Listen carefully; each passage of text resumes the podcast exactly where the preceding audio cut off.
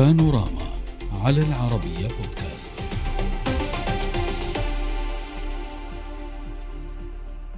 مكسب دولي جديد لأوكرانيا على حساب روسيا. استعاد من خلاله الرئيس فولوديمير زيلينسكي قادة مقاتلين من كتيبة أزوف. كانوا في ضيافة أنقرة بعد اتفاق مبرم بين روسيا وتركيا. زيلينسكي عاد من تركيا وبصحبته خمسة قادة سابقين للكتيبة الأوكرانية التي تصفهم موسكو بالنازيين الجدد.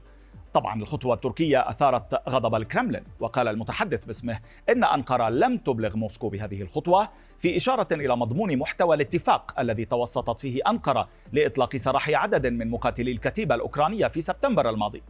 المتحدث باسم الكرملين ديمتري بيسكوف أضاف أن عملية إطلاق سراح قادة كتيبة أزوف من تركيا تعد مخالفة صريحة تتحمل مسؤوليتها أنقرة وكييف. كما ربط الكرملين عودة قادة كتيبة أزوف بمحاولة أوكرانيا تغطية فشل الهجوم المضاد الذي بدأته كييف مطلع يونيو. واتهم الكرملين أنقرة بأنها تسعى إلى إظهار تضامنها مع كييف قبيل انعقاد قمة حلف شمال الأطلسي في ليتوانيا الأسبوع المقبل. معنا من إسطنبول الكاتب والمحلل السياسي طه عودي أوغلو. أهلا بك معنا أستاذ طه من موسكو. ينضم إلينا المحلل السياسي يفغيني سيدروف. أهلا بك معنا أستاذ سيدروف. أبدأ معك أستاذ طه عودي. يعني باسكوف يقول إنه أنقرة انتهكت الاتفاقات بإطلاق سراح قاده من هذه المنظمة وبحسب بنود هذه الاتفاقيات فكان من المفترض أن يبقى قادة أزوف في تركيا حتى انتهاء الحرب. ما الذي حصل؟ ما الذي أراد أن يحققه الرئيس إردوغان من هذه الخطوة؟ من دون شك يعني أعتقد الزيارة التي قام بها الرئيس الأوكراني قبل يومين هي مسألة انعطافه كبيرة في مسار العلاقات التركية الروسية ولحتى هذه اللحظة هناك أصوات تتعالى من الجانب الروسي وتهديدات إن صح التعبير لكن في المقابل هناك صمت تركي. إلى حتى هذه اللحظة قبل قليل كان هناك اتصال جرى ما بين الوزير لافروف وفيدان ولكن تم الحديث بشكل أوسع عن موضوع اتفاقية الحبوب. الحبوب صحيح. أنا أتصور أعتقد الخطوة الخطوة التركية هي كما أشرت لك قبل قليل هي جاءت بعد زيارة الرئيس الأوكراني تأتي أيضا قبل قمة الناتو. واعتقد هذه هي لافتة للغاية وأيضا قبل تمديد اتفاقيه الحبوب في السابع عشر من الشهر الجاري. بس لابد أن يكون هناك سبب سياسي لأن تركيا كانت وسيطة تلعب دور الوساطة في هذا الإطار. وكان الرئيس إردوغان يقول إنه في في دول يعني مش عم تخلينا بهالمعنى انه نقوم بدور الوساطة لأنه عم تضغط على أوكرانيا وإلى ما هنالك. طيب يعني ماذا حصل الآن؟ هل تخلت تركيا عن دور الوساطة؟ أنا لا لا أعتقد أنها تخلت خاصة أن الرئيس التركي رجب طيب أردوغان بالأمس أردف وقال هناك بتصريح آخر بأن أنقرة ما زالت هي علاقتها أو ما زالت تنتهي السياسة متوازنة ما بين روسيا وأوكرانيا على الرغم من التطورات فيما يتعلق بكتيبة أزوف. ولكن هناك أيضا يعني تطورات حصلت. ممكن أن نقول هناك ضغوط غير معلنة أوروبية وخاصة أمريكية على سبيل المثال لاحظنا خلال الشهر الحالي هناك ثلاث اتصالات جرت ما بين الوزير فيدان والوزير الأمريكي وزير الخارجية م. الأمريكي للمرة الأولى تحصل هذه الاتصالات وإن دلت يدل على أن الولايات المتحدة الأمريكية تضغط بشدة على تركيا فيما يتعلق بعضوية السويد إلى تمام. الناتو تصريح أردوغان بحقية أوكرانيا في الدخول إلى الناتو أعتقد كان هو أيضا لافتا محاولة لمغازلة الولايات المتحدة بعد الضغوط التي قرأنا أن تركيا صحيح. تعرضت إليها. ابقى معنا. أستاذ سيدروف ما طبيعة الفهم الروسي للمسببات التي جعلت تركيا تقدم على هكذا خطوة الآن؟ يعني برأي البعض في موسكو هناك عدة أسباب. طبعا منها اقتراب موعد قمة الناتو. وتركيا بهذا الصدد تريد أن تستعرض استقلاليتها في ممارسة تلك الخطوات التي تراها ضرورية لا سيما فيما يتعلق بالصراع الروسي الأوكراني وهي بهذه الخطوة تريد أن تقول إنها غير مرتبطة ولا تعتمد على موسكو في اتخاذ هذا أو ذاك من القرارات المتعلقة بهذا الصراع.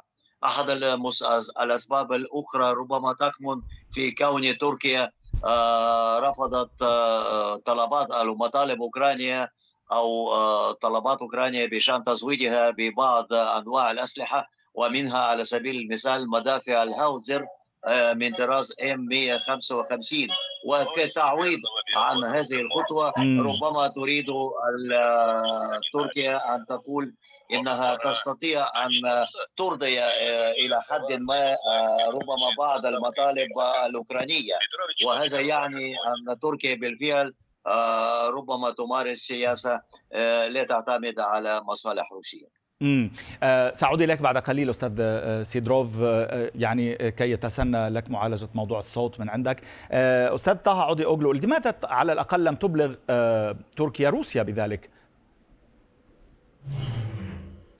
صحيح في البداية فهم من الموقف التركي أو من التطور التركي بأن هناك ممكن أن يكون تفاهم آه، تركي آه، روسي. ولكن التصريحات التركية الأخيرة آه، هي دلت على أن التحرك التركي هو تحرك منفرد للغاية وأن الوزير الجديد وأقصد هنا فيدان هو يتحرك بشكل واسع خلال أو تحرك بشكل واسع خلال الأيام الأخيرة الماضية. خاصة أن هناك أيضا في المقابل كان هناك انزعاج تركي خلال الأيام الأخيرة الماضية من التصعيد الروسي في سوريا.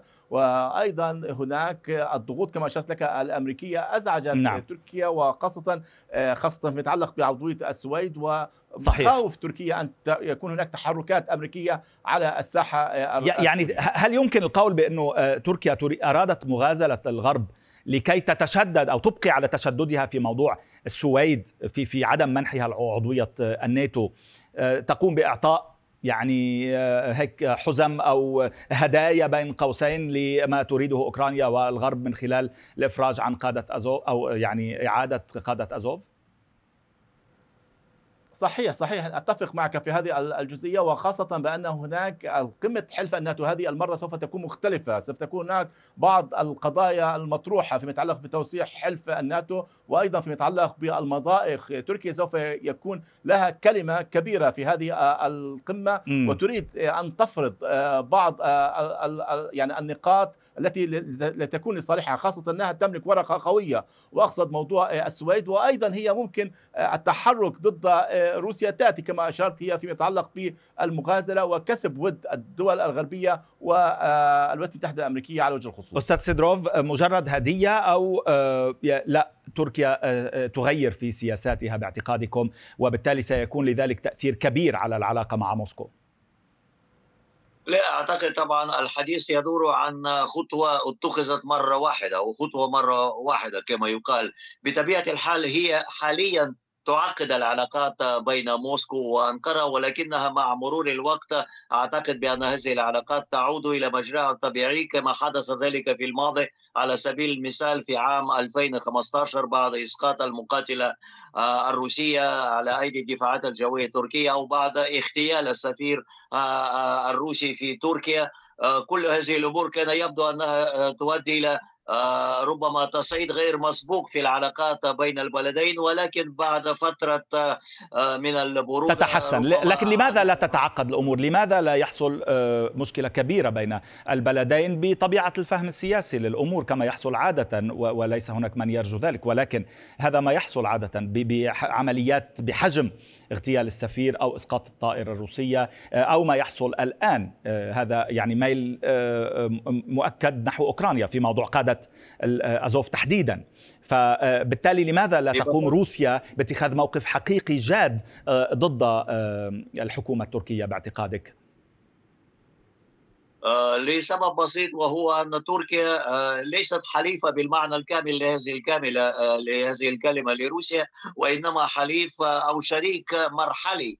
فمن المهم بالنسبة لموسكو شأنها في ذلك شأن انقره أن تستفيد من بعضهم البعض لاعتبارات براغماتيه منها تلك التي تتعلق بالأمور الاقتصادية. هناك محطة ذرية تنشأ بمعونة روسية في تركيا وهناك خطط لإنشاء مركز آه، لتوزيع الغاز وتوريده إلى عدد من الدول الأوروبية وغير ذلك من الأمور. وبالتالي رغم هذا التصعيد ورغم التوتر الذي ربما سيسود بعض الوقت من خلال هذه الخطوة م. التي لها طبعا تبعات مؤقتة ستعود العلاقات إلى مجراها الطبيعي. لكن الغريب في الأمر هو أيضا خطوة نوعا ما استفزازية من قبل أردوغان لأنه بالتزامن مع هذه الخطوة إطلاق سراح خمسة من مقاتلي أزوف من قادة أزوف تحدث وصرح بأنه لابد من قبول أوكرانيا في عضوية الناتو. وهو يعلم جيدا موقف موسكو إذا هذا الموضوع. ولكن الغريب لماذا هو يتحدث الآن بالذات عن هذه ما ردك أستاذ طه أوغلو ما ردك على ذلك؟ خطوة استفزازية يعتبرها سيد يفجيني مع مطالبته بإدخال أوكرانيا إلى الناتو مع إعادة بعض المقاتلين الذين ربما يؤثرون على سير المعارك في هجوم أوكراني يوصف بالمتعثر ضد روسيا حاليا.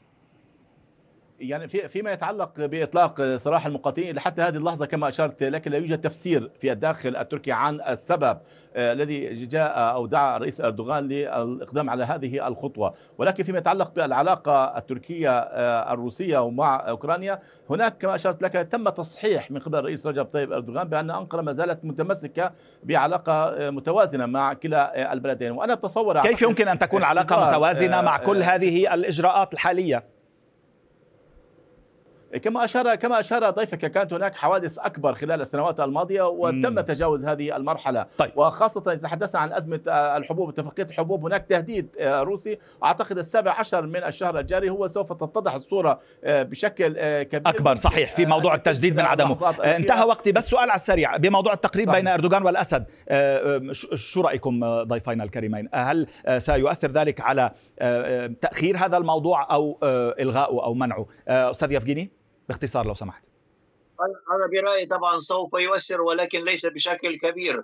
ولكن من جهة نرى أن التطورات الأخيرة في مناطق خفض التصعيد. بسوريا نعم. والاستهدافات التي تقوم بها الطائرات الروسية لبعض المواقع للفصائل التابعة لتركيا تعقد هذا الأمر تمام وضحت الصورة. سلبا على خطوات التطبيع. أستاذ طه باختصار شديد.